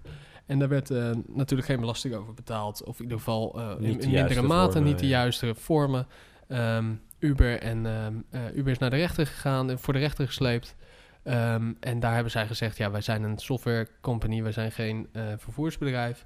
Daar heeft de rechter uiteindelijk eh, eh, uitgesproken dat dat Nee, niet nee, nee. zo is. Ze zeiden nog, nog iets leuker zelfs. Softwareontwikkeling. Nee, nee, nee, nee. Daar, ik, dat kan ook wel. Maar ze zeiden sowieso, Uberpop is niet een taxidienst, maar je reist met iemand mee. Ja, nou precies. Nou ja, Maar de Ja, rechter zei, ja. Geen woord van maar ze pak, nee, maar ze Nee, pakte maar- daar geloof ik. het is eh, wel heel creatief met woorden, zeg maar. eh. Ja. ja, maar ze pakte van al die transacties geloof ik 25 Dus Zoiets, ja. uiteindelijk waren ze het wel, want ze zijn gewoon een tussenpersoon. Dus daar heeft de rechter ook uit, uitspraak over gedaan. Ze gaan we in hoger beroep. Dus dat loopt allemaal nog. Uh, maar ze, ze hebben, uh, we hebben een quote uh, waarin Uber eigenlijk zegt uh, dat ze ermee stoppen. En die zal ik even citeren. Uh, ondanks het feit dat Uber Pop tot interessante inzichten heeft geleid in hoe de mobiliteit van de toekomst eruit zou kunnen zien, heeft Uber besloten met Uber Pop te stoppen omdat, omdat, omdat, dat staat ook echt letterlijk op hun website, de dienst een belemmering vormt voor een constructieve dialoog over modernisering van bestaande wet en regelgeving. Oftewel, uh, is de wetgeving, uitvoerende macht en de samenleving in de huidige vorm nog wel geschikt voor de wereld van morgen? Of moet dat net zo snel mee innoveren, of juist niet? Uber Pop is in ieder geval mee gestopt in Nederland. Ja, persoonlijk vind ik dit een, uh, ik wil niet zeggen een triest geval, maar ik vind het inderdaad een heel typisch geval uh, om te zien hoe inderdaad de, de rechtgevende macht en uitvoerende macht achterloopt op de innovaties. Um, in Nederland is inderdaad Uberpop een heel goed, goed voorbeeld. Airbnb is in het buitenland ook een goed voorbeeld waarbij niet gekeken wordt naar de mogelijkheden en om te kijken hoe ook de bestaande diensten kunnen innoveren. Nee, er wordt meer gekeken naar, oké, dit is een concurrentie voor ons. En dit is een concurrentie die heel creatief is met de regels en creatief is met de uitvoering. En ze, ze proberen eigenlijk gewoon vanuit die angst te gaan reageren. En vaak vanuit angst wil je iets verbieden, wil je iets wegdrukken. Een druk vanuit de taximarkt was ja. ook enorm natuurlijk. Ja. Inderdaad. En dat is denk ik vooral het probleem geweest. Want um, met mijn eigen ervaringen voor onder andere, onder andere in New York... waar eigenlijk eenzelfde wijze Uberpop ook gebruikt wordt... is het voor mij een, een hele toegankelijke manier in eigenlijk de taxiwereld. Je pakt heel snel een wat goedkoper, maar nog steeds qua gebruikersgemak... en qua algemeen gemak toch snel een, Uberpop... waarbij bijvoorbeeld een, uh, een normale taxi of een yellow cab, een black cab... of hoe je het ook wil noemen... daar de grens toch een stuk hoger van ligt. Maar sinds het gebruik van, van Uber en Uberpop voor mij... is die grens een stuk lager geworden om ook wat makkelijker een normale taxi te pakken. Dus voor, ik zie persoonlijk zelf, vind ik het um, slecht dat, dat een uitvoerende macht of dat soort partijen gaan strijden tegen een nieuwe, nieuwe speler in de markt. In plaats van hier ideeën uithalen en juist voor de gebruiker een betere ervaring neerzetten. Nou ja, kijk, uh, ik snap de, de, de overheid of de, hoe zeg je dat, de rechtbank ook wel. Uh, taxiwetgeving komt volgens, volgens mij Uber van die komt uit 1908 of zo, weet ik het. Dus er, er, er zal heus wel, daar zal heus wel wat in kunnen. Alleen uh, als je het grotere, bredere onderwerp pakt, dus niet zo specifiek Uber. Het kan natuurlijk niet zo zijn dat wij regels opstellen als samenleving, die nodig zijn, kennelijk. En daar dus, daar dus van afstappen. Precies, kijk, als we Vanwege heel... iemand zijn innovatie. Ja, als we heel zwart-wit gaan kijken, dat is ook wel grappig, kan ik zwart geld verdienen om in een auto te gaan zitten en met mijn klantenkring die klanten te gaan vervoeren. En daar hoeft, geen, daar hoeft niemand tussen te komen, dat doe ik gewoon zelf. Ik zet zelf een meter aan, nou prima. Daar Uber... moet je wel een vergunning voor hebben, volgens mij. Zola- Zodra je iemand Nee, voor onder de radar. Gewoon onder de radar. Ja, maar dat is niet zwart geld. Dat is, nou ja, so- so- Ja. sorry, zwart. Ik bedoel Ja, zwart zwart. cijfers. Nee, Nee, zwart inderdaad. Ja, ja, sorry. Ja. Weet je, maar nu gaan we kijken naar Uber. Nou ja, die, die, die, die maakt een platform waar jij je kan aanbieden. En dan, kun, dan kunnen klanten van jou heel makkelijk jou vinden. En Uber zit daartussen met een, met een percentage. Ehm, als je het heel zwart-wit gaat bekijken, om daar weer even op terug te komen, dan is dat niet heel veel anders. En dan snap ik dat de regering op een gegeven moment gaat zeggen: hé jongens, ehm, dit gaat niet de juiste kant op. Vanuit Ehm, meerdere perspectieven. Hè? Vanuit Ja, taxiwetgeving ja, als, eh, als belasting. eh. Ja, precies. En, en uit dat oogpunt snap ik het wel. Maar inderdaad, ik ben het eens met jou op. het is jammer en, en vervelend om te zien dat de regering niet meebeweegt met de wereld van morgen. En Nee. niet kijkt naar die, naar die innovaties en daar ook niet op in wil spelen eigenlijk. Ja, om een, om een concreet voorbeeld te geven. Ik, heb, ik pakte bijna nooit, of zeg nooit, de taxi. Echt niet.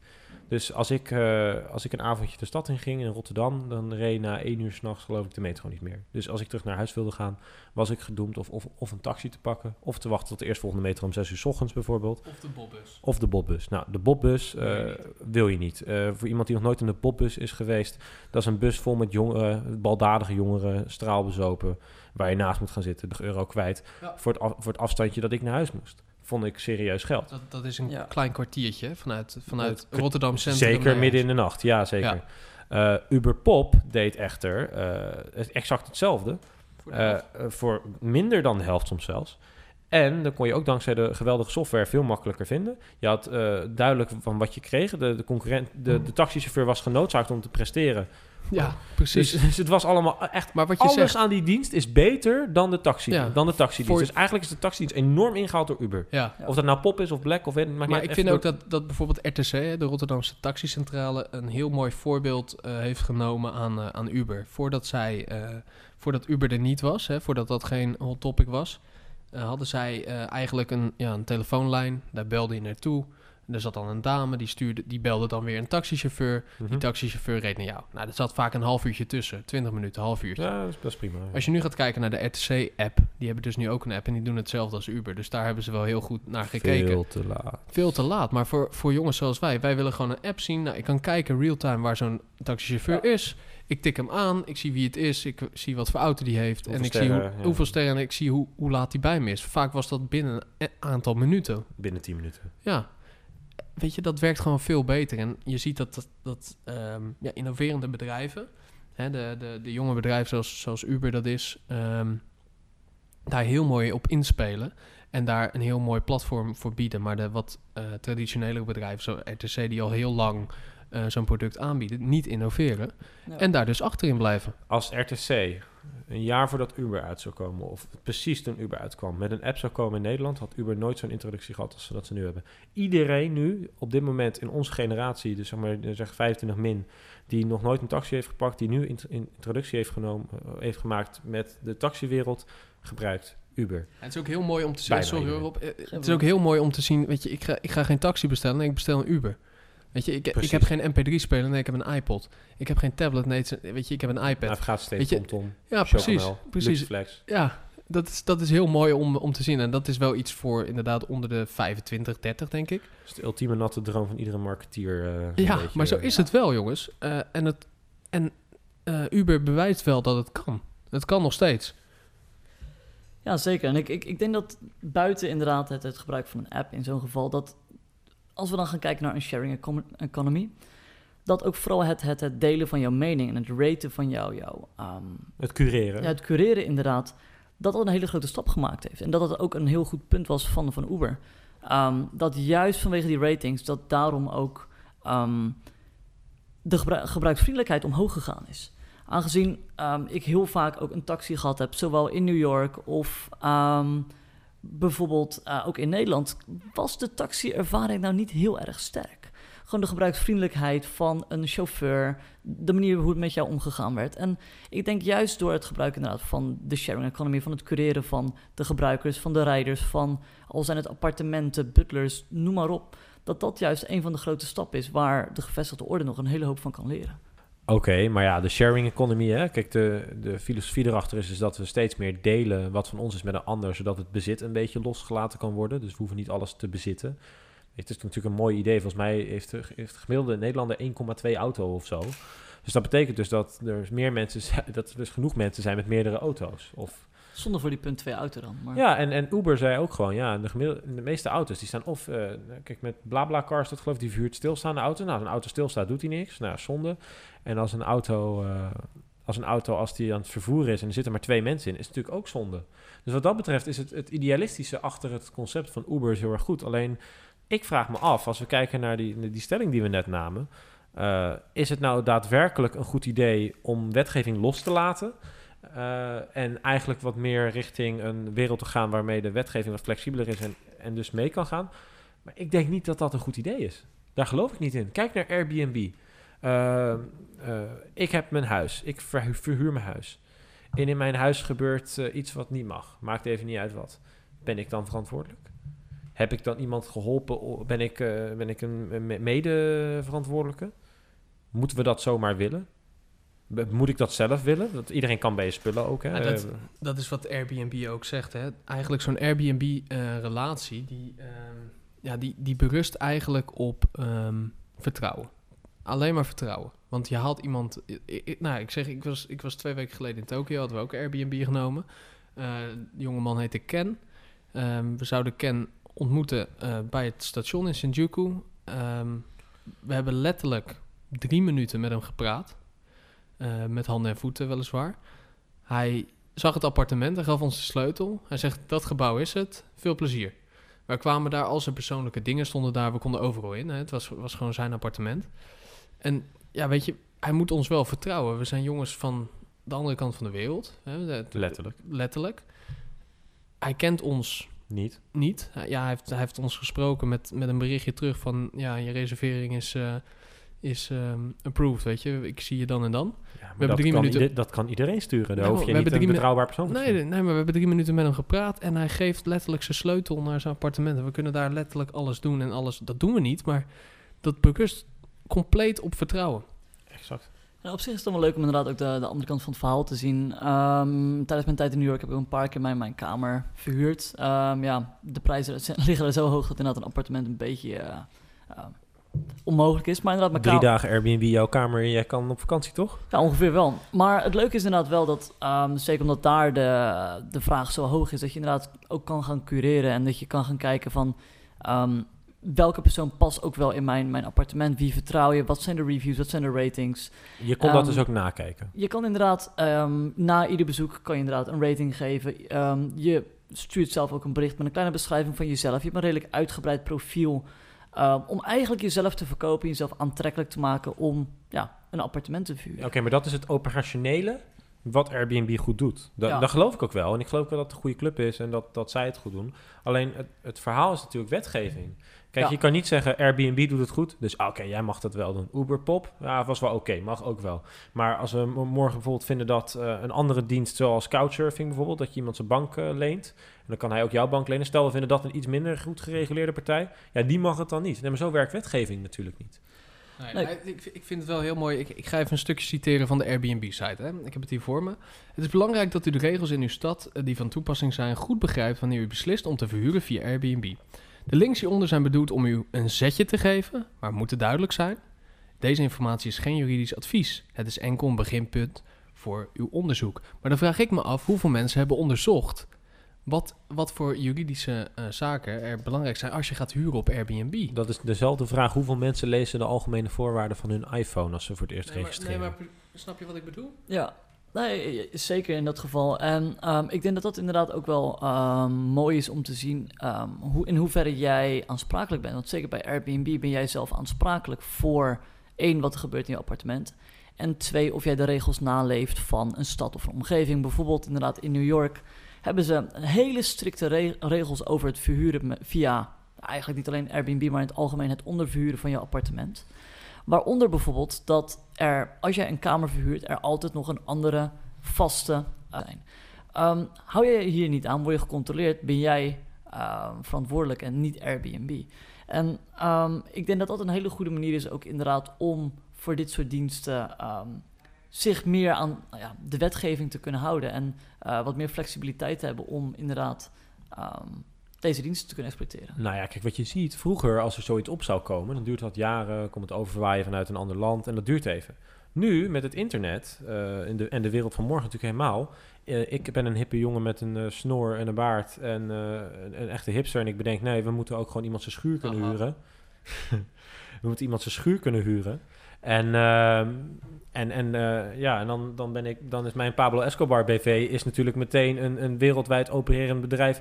eh, waarvan ik eigenlijk zeg, ik ben een platform. Ik ben niet, dit is een duwtje in de goede richting. Dit is geen juridisch advies. Ja, dat, dat is echt heel mooi wat ik dus net heb geciteerd. Exact. Dat sluit daar precies op Ja. aan. En dat is precies wat ze ermee zeggen. Ehm, wat je zegt, ik kom in een... Stel, ik, ik huur een appartement. eh, ik kan overal een appartement ter wereld huren. Eh, laten we even als voorbeeld nemen het appartement wat ik heb gehuurd in, eh, in Tokio. Ik verbouw daar de complete, eh, ja, de complete flat. Het staat in de fik, noem maar op. Ja, wie, wie is daar aansprakelijk? Airbnb zegt, nou, wij zijn een platform. Wij bieden alleen jou het platform aan om jouw appartement daar op te zetten en aan te bieden. Zullen ze je denk ik wel helpen als dat gebeurt als Nee, verhuurder. precies. Maar en, en de, de, de, de huurder die, die kan daar jou vinden en ehm, van jou huren. Weet je, en daar zijn, daar zijn denk ik ehm, heel veel mensen ehm, niet mee bezig die wel aan het verhuren zijn. Want ik vraag me dus af hoeveel mensen die op Airbnb zitten. Want er staat echt gigantisch veel op. Ook al in Nederland, echt in de kleinste steden. Waar je denkt van ja, wie gaat daar nou een Airbnb huren? Ja, Naaldwijk of zo. Ja, Naaldwijk of ja, nee, maar, nee, maar gewoon, gewoon echt de kleinste, kleinste steden. Of dorpen zelfs. Hoeveel mensen zijn hiervan bewust en hoeveel mensen zijn hiermee bezig? Nou, het, leuke is, dan vraag ik me wel af, ehm, kijk wat naar Marktplaats. Eigenlijk is Marktplaats exact hetzelfde, alleen dan voor fysieke producten in plaats van diensten. Ehm, als, wij, als ik bij wijze van spreken een ehm, event ticket op Marktplaats koop en het blijkt vals te zijn, blijkt een, een, een eh, ja, niet echt ticket te zijn. Wie is er dan verantwoordelijk? Ben ik dan verantwoordelijk omdat ik zo dom ben geweest om zo'n ticket te kopen? Of is Marktplaats dan verantwoordelijk omdat zij dit ticket niet verwijderd hebben van hun website? In, in zo'n geval denk ik van, Ja. wij zijn redelijk vertrouwd met Marktplaats. Wij vinden het prima wat daar gebeurt en het is allemaal heel gewoon. Ook, Maar dit oké, is Ik denk dus- dat daar heel erg, weet je, dat is dat grijze gebied, weet je wel. Dat, Ja. dat, is dat, dat is dat gebied waar die, eh, waar die diensten, die sharing economy diensten, Mhm. eh, in opereren. Zoals een Uber, een Airbnb. Nou ja, een Marktplaats, een mooi voorbeeld, die is natuurlijk al een stuk ouder, maar dat is het, dat is het feitelijk wel. nog steeds heel actueel. nog steeds heel actueel. Laten we eerlijk wezen. Eh, een eBay, hè, you Ja. name it. Dat is, dat is wel het gebied waar zij in opereren. En daar, dat is ook het gebied waar de overheden ehm, eh, zich zorgen over maken. Want, want daar zijn geen strakke regels voor. En dat, Nee, zie- maar- dat heb je gezien bij Uber. Maar dat is het een beetje. Als ik een politicus ben en ik wil nu tegen die sharing economy ingaan, dus in het geval van Airbnb, dan zou ik kunnen stellen, of een marktplaats voor het gemak. Als ik in de mediamarkt sta en in de mediamarkt worden ha- handwapens verkocht, dan moeten we mediamarkt daarvoor aansprakelijk stellen, want die zijn daar zo. Maar dan ga je stap, Uber, Uber of, die, die dienst, dat is eigenlijk een stap verder. Dus dat is de, de winkelstraat. Moeten wij de winkelstraat aansprakelijk houden dat er een winkel zit met, eh, met wapens? Ja, dat zouden we doen. Als jij verhuurt aan iemand en je weet dat daar wapens worden verkocht, je, dat is misschien niet meteen jouw werk om daar wat tegen te doen. Maar je hebt als burger natuurlijk wel een bepaalde plicht. Dat kan je niet maken. Toch? Maar die vergelijking gaat gewoon niet op op het internet. En dat is ook de fout die we heel vaak maken. Eh, de, die sharing economy, dit is bijna naadloos verbonden met de, met de communicatietechnologie die we hebben. En het feit dat wij muziek kunnen huren, ja, wa- waarom deed Free Records Shop dat niet? Omdat mensen de cd's natuurlijk niet goed terugbrachten en dat soort dingen. Dat willen we ook allemaal niet. Het gaat om gemak. En dat is een hele nieuwe wereld. En dat is vooral het, het, hetgene waar het spaak slaat. Kijk, stel dat je zegt Airbnb mag niet meer. We gaan het verbieden. Daar gaan we wel, althans, er gaan wel striktere regels komen. Daar ben ik, Ja, maar- In het komend jaar gaan er echt striktere regels komen voor Airbnb. Ja, en dat, en dat, is, en dat is dan... bere- Oké, dat is dan een groot voordeel voor de... eh, dat is dan een grote overwinning misschien voor de staat. En dan? Ga ik dan als co- consument zeggen... Oh, nou dan ga ik maar niet meer op vakantie. Nee, dat gaan we niet doen. Dan ga ik maar niet meer op, naar het hotel. Nee, ik denk dat als de overheid dit gaat verbieden... dat de druk op prijsverlagingen van hotels zo groot worden... dat ze die markt ook heel erg gaan pakken. En ik denk als ze het niet verbieden... dat ze precies hetzelfde doen. Maar daar zie, je, want dan wat je zegt- wordt de vraag weer minder. daar zie je ook die verschuiving. Hè? Kijk, dit soort, dit soort eh, diensten bieden producten voor of hetzelfde product... of soms zelfs leuke product aan voor een betere prijs. Midden Dat zag, je, ja, dat zag je bij Uber. Uber deed het voor de helft van de prijs of zelfs minder dan een normale taxicentrale. Taxicentrales gingen daar niet in mee, want die, die berekenen nog steeds dezelfde prijs. Dan zie je dat verschuiven.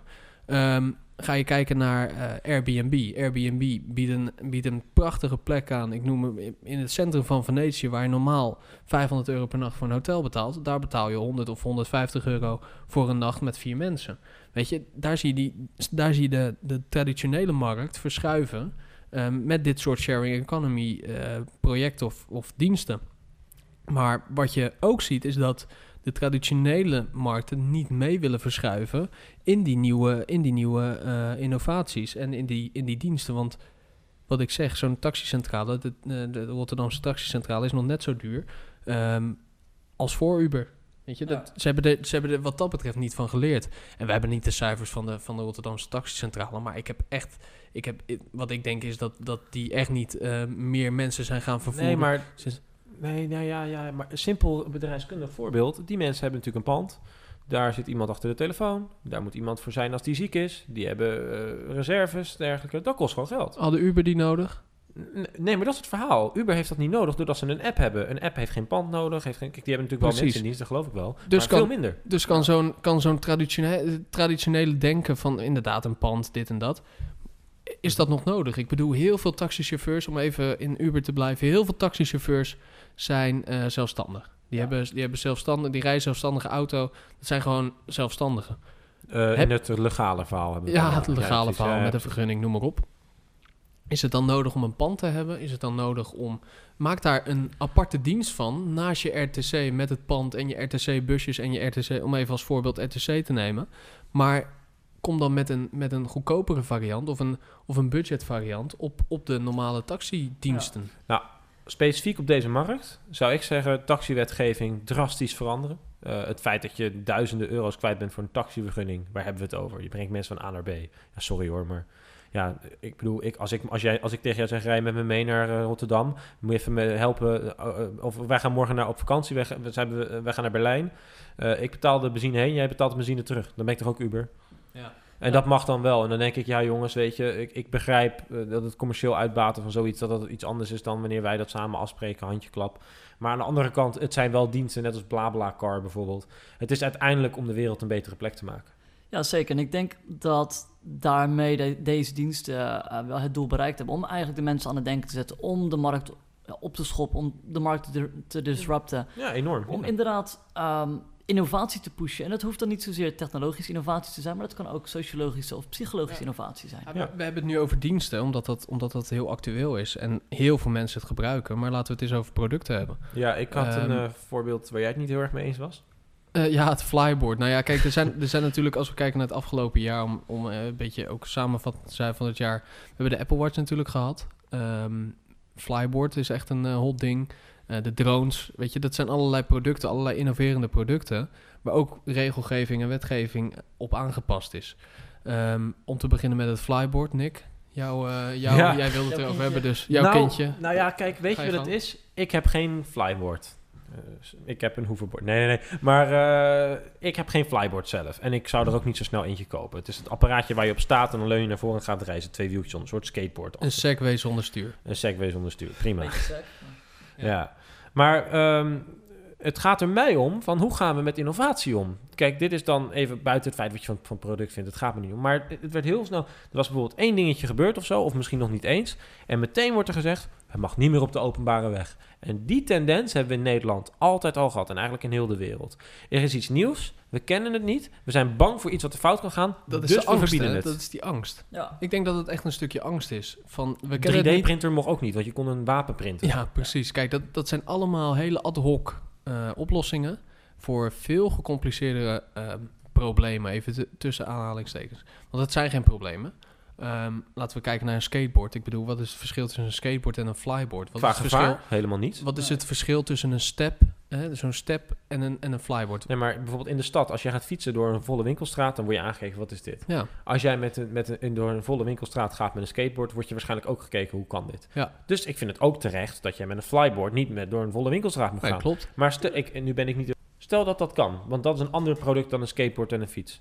Weet je, ik mag toch ook met een rollator door de stad lopen? Ja. En dat weet ik ook wel. Dit is Nee, een flauwe, flauwe, Maar gaan we even tien jaar terug. Toen ik, eh, toen ik eh, nou, 14 jaar was, 12 jaar denk ik, misschien wel 10 jaar, hadden we die elektrische steps. Ik weet niet of je die nog kent. Dat was toen ook helemaal hot. Er kwamen ineens elektrische steps. Dat was zo'n step gewoon ja, met, met, met, een, eh, met een motortje erin. Mhm. En daar was toen ook ineens een wetgeving Een voor. soort mocht je- micro-scooter. ja, precies, een microscooter. Daar moest je een kenteken ineens voor hebben en noem maar op. Dat was ook Helm. Precies, dat was Ja. ook eigenlijk helemaal geëscaleerd. En het is eigenlijk hetzelfde. Het zijn, het zijn allerlei ehm, nieuwe producten waar de overheid zoiets van heeft. Nou, daar gaan we geen aandacht aan besteden. Daar gaan we, we zeggen gewoon, het is verboden, klaar. Ja.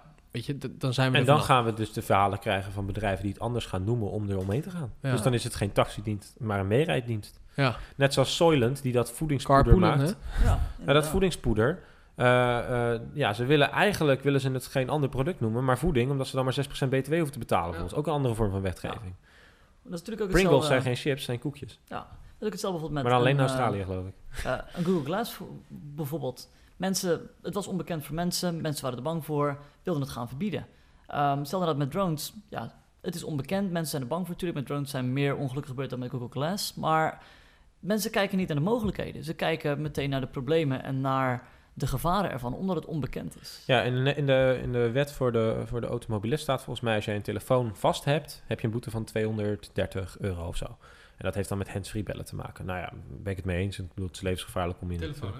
Ja, telefoon. Ja, ja, ja. Maar in principe, eh, als jij een tablet in je handen hebt, is dat ook zo. Want dat is nog steeds een mobiele communicatieapparaat. Helemaal mee eens. Ehm, Helemaal mee eens. Maar als jij een Apple Watch om je pols hebt, ongeacht of je er naar kijkt of niet, want het is gewoon een horloge ook nog steeds, heb jij eigenlijk ook, hebben de politie het recht om jou meteen die boete te geven. Ja. Omdat de Apple Watch om je pols is. Ja, nou, Nou, ik je- heb nog je- nooit mijn Apple Watch afgedaan voordat ik ging rijden. Sorry.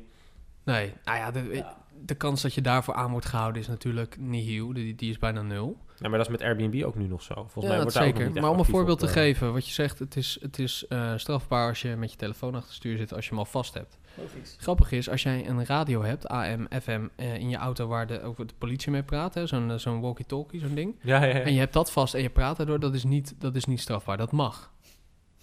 Oh, dat is zo. Oké. Dat is zo, ja. Maar eigenlijk is het Dat is toch natuurlijk precies... een, com- het- een mobiel communica- communicatie. Maar dat mag. Dat mag. Dus wat, mijn vader heeft bijvoorbeeld zo'n zo'n ding in zijn auto zitten. Dus als die, eh, hij is wel eens aangehouden. Nee, dat is echt waar. Hij is wel eens aangehouden en hij zat, met dat, hij zat met een telefoon in zijn handen. Hij was aan het bellen. Maar hij zei tegen de politieagent, ja, ik ben gewoon eh, connecties aan het leggen. Dat, is, dat zijn gewoon eh, radioamateurs. Die kunnen in hun auto of in hun, eh, in een ja, boot, you name it, kunnen ze zo'n ding hebben. En dat mag wel. Dat, is, dat, dat, dat mag. Dus dat is... Maar had hij nou zijn telefoon in zijn hand of dat ding? Nou, zijn telefoon in zijn hand. Maar hij had ook dat ding. Hij, had ook dat, hij heeft dat ding in zijn auto gebouwd. Waarom? Hij is een radioamateur, dus hij vindt het leuk. Hij Ah. vindt het leuk om verbindingen te leggen. Eh, en daarom, dan kan hij gewoon bellen. En als hij dan wordt aangehouden, dan zegt hij... Ja, ik was gewoon, aan het, ik was gewoon een verbinding aan het leggen. Maar het mag wel. Zoek het maar eens op. Je mag, dat, mag, dat, mag, dat mag wel in je auto. En dat is natuurlijk heel scheef. En dat is ook wel een mooi voorbeeld. Dat al die nieuwe dingen... En nou, de telefoon is dan niet zo nieuw. Maar een Apple Watch zou dan niet mogen. En dat mag wel. Weet je, dat, dat, dat zijn hele scheve dingen. En daardoor heb ik het idee dat de overheid zoiets heeft. Nou, we verbieden het, dan zijn we er klaar mee. Het mag niet. Prima. Maar we gaan niet kijken wat de mogelijkheden zijn. Om eventueel dat aan te passen en daar misschien voordelen uit te halen. Of, of ja, weet je, dat, dat is heel scheef. En eh, het voorbeeld is inderdaad ook met, eh, met de flyboard. En ehm, eh, ja, kijk, flyboard vind ik dan, vind ik dan misschien nog een ander verhaal. Het is, het is een Heb je dat levens... filmpje gezien van die priester Ja, in Amerika? een die ja. al zingende door de kerk ging met zijn Ja, flyboard? het is een levensgevaarlijk die man apparaat, leeft in de wereld van morgen. Ja, het, ja, ja, nee. ja, niet alleen in de, in de wereld van morgen, maar ook in de wolken. Maar dat is een, andere, eh, dat is, dat is een ander verhaal. Ja, dat wilt hij. Ehm, maar even over die, over die ehm, nog e- heel even een stukje over die ehm, eh, Google Glass. Vind ik wel grappig. Google is eigenlijk helemaal gestopt. Hè? Daar hebben ze de stekker uitgetrokken. Ah, van gisteren is toevallig geen nieuwe versie. ja. Nest Ja. gaat er nu, ja, Nest gaat ermee verder, geloof ik. Tony Oh, dat weet, dat weet ik niet. Maar Ja, ik weet Tony wel, er is een nieuwe versie Ja. opgekomen voor de, Ja. de pro, Ja. bijvoorbeeld de automonteur, dat hij hem op zijn werk Precies, kijk, dat zijn hele mooie eh, dingen. Maar ik heb het idee dat Google gewoon zoiets heeft. Nou, we hebben gewoon een eh, real-life eh, prototype de wereld in eh, gestuurd. Enorm En- veel publiciteit gaan En, ze. ja, en we gaan kijken hoe de mensen erop reageren. En ook overheden. Mhm. Want, dat ehm, kwam uit, ook vanuit het lab van Google. Hè? Dat is volgens mij Ja. Google Ja, X of inderdaad. zo heet dat Ja. Rob. Dat weet jij. Ja, Google X-Lab inderdaad, Ja. maar nou, het is een publiek prototype. ja, inderdaad. Om te En- kijken hoe wij erop reageren. En de marketeer bij Google had vast wel gedacht, laat ons steeds innovatief lijken. Ja. Ja. Want ze gaan er nu wel mee door. Hè? Tony Fadell en, Ja. en Nest die gaat er nu eh, weer iets mee maken of zo. Ja, ik weet het niet. Ze zijn dat er je net je mee- over kan aanzetten met je glas. Ja, Tony Fidel voor zijn nest. eh. ja of, of, je, of je, weet je, als je je ogen omhoog doet, dat dan eh, je verwarming omhoog gaat. Of je ogen naar beneden, dat die omlaag gaat. Ja, zou toch goud zijn, dat wil je. Laten we eerlijk wezen. Nee? Oké.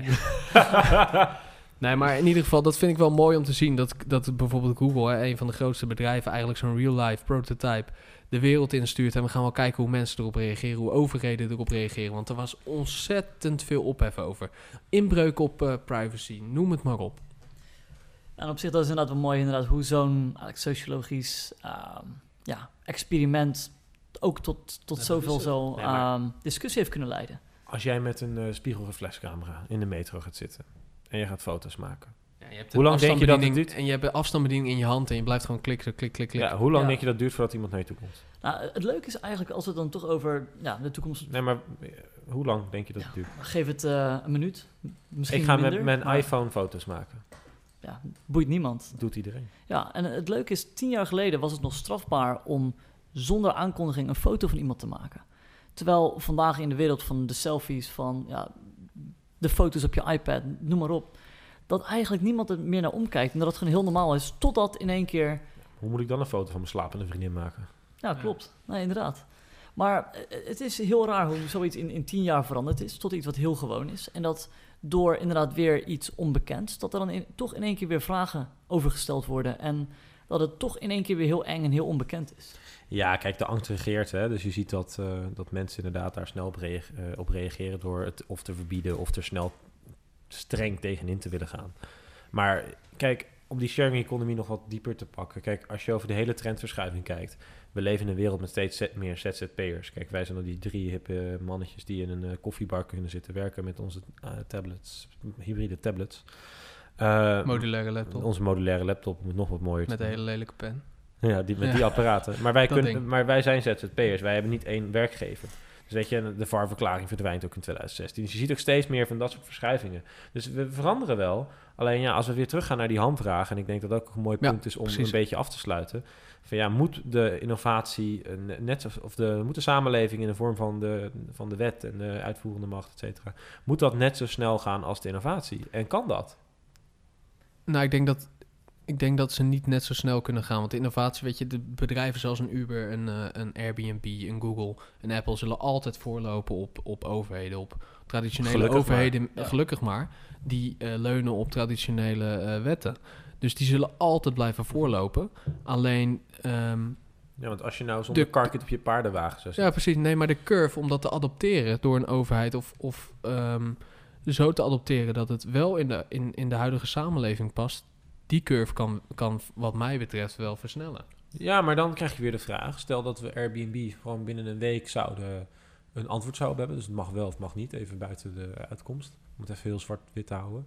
Dan kan je zeggen van ja, eh, dan, dan, dan, is het een, dan kan het een overhaaste beslissing zijn geweest om iets te doen. Dan kan je innovatie ofwel belemmeren, ofwel de samenleving in gevaar brengen. Kijk, en wat je nu ziet vooral is dat, eh, weet je, Uber is ook heel lang doorgegaan. Hè? Gewoon ondanks dat de rechter iets heeft gezegd. Gewoon.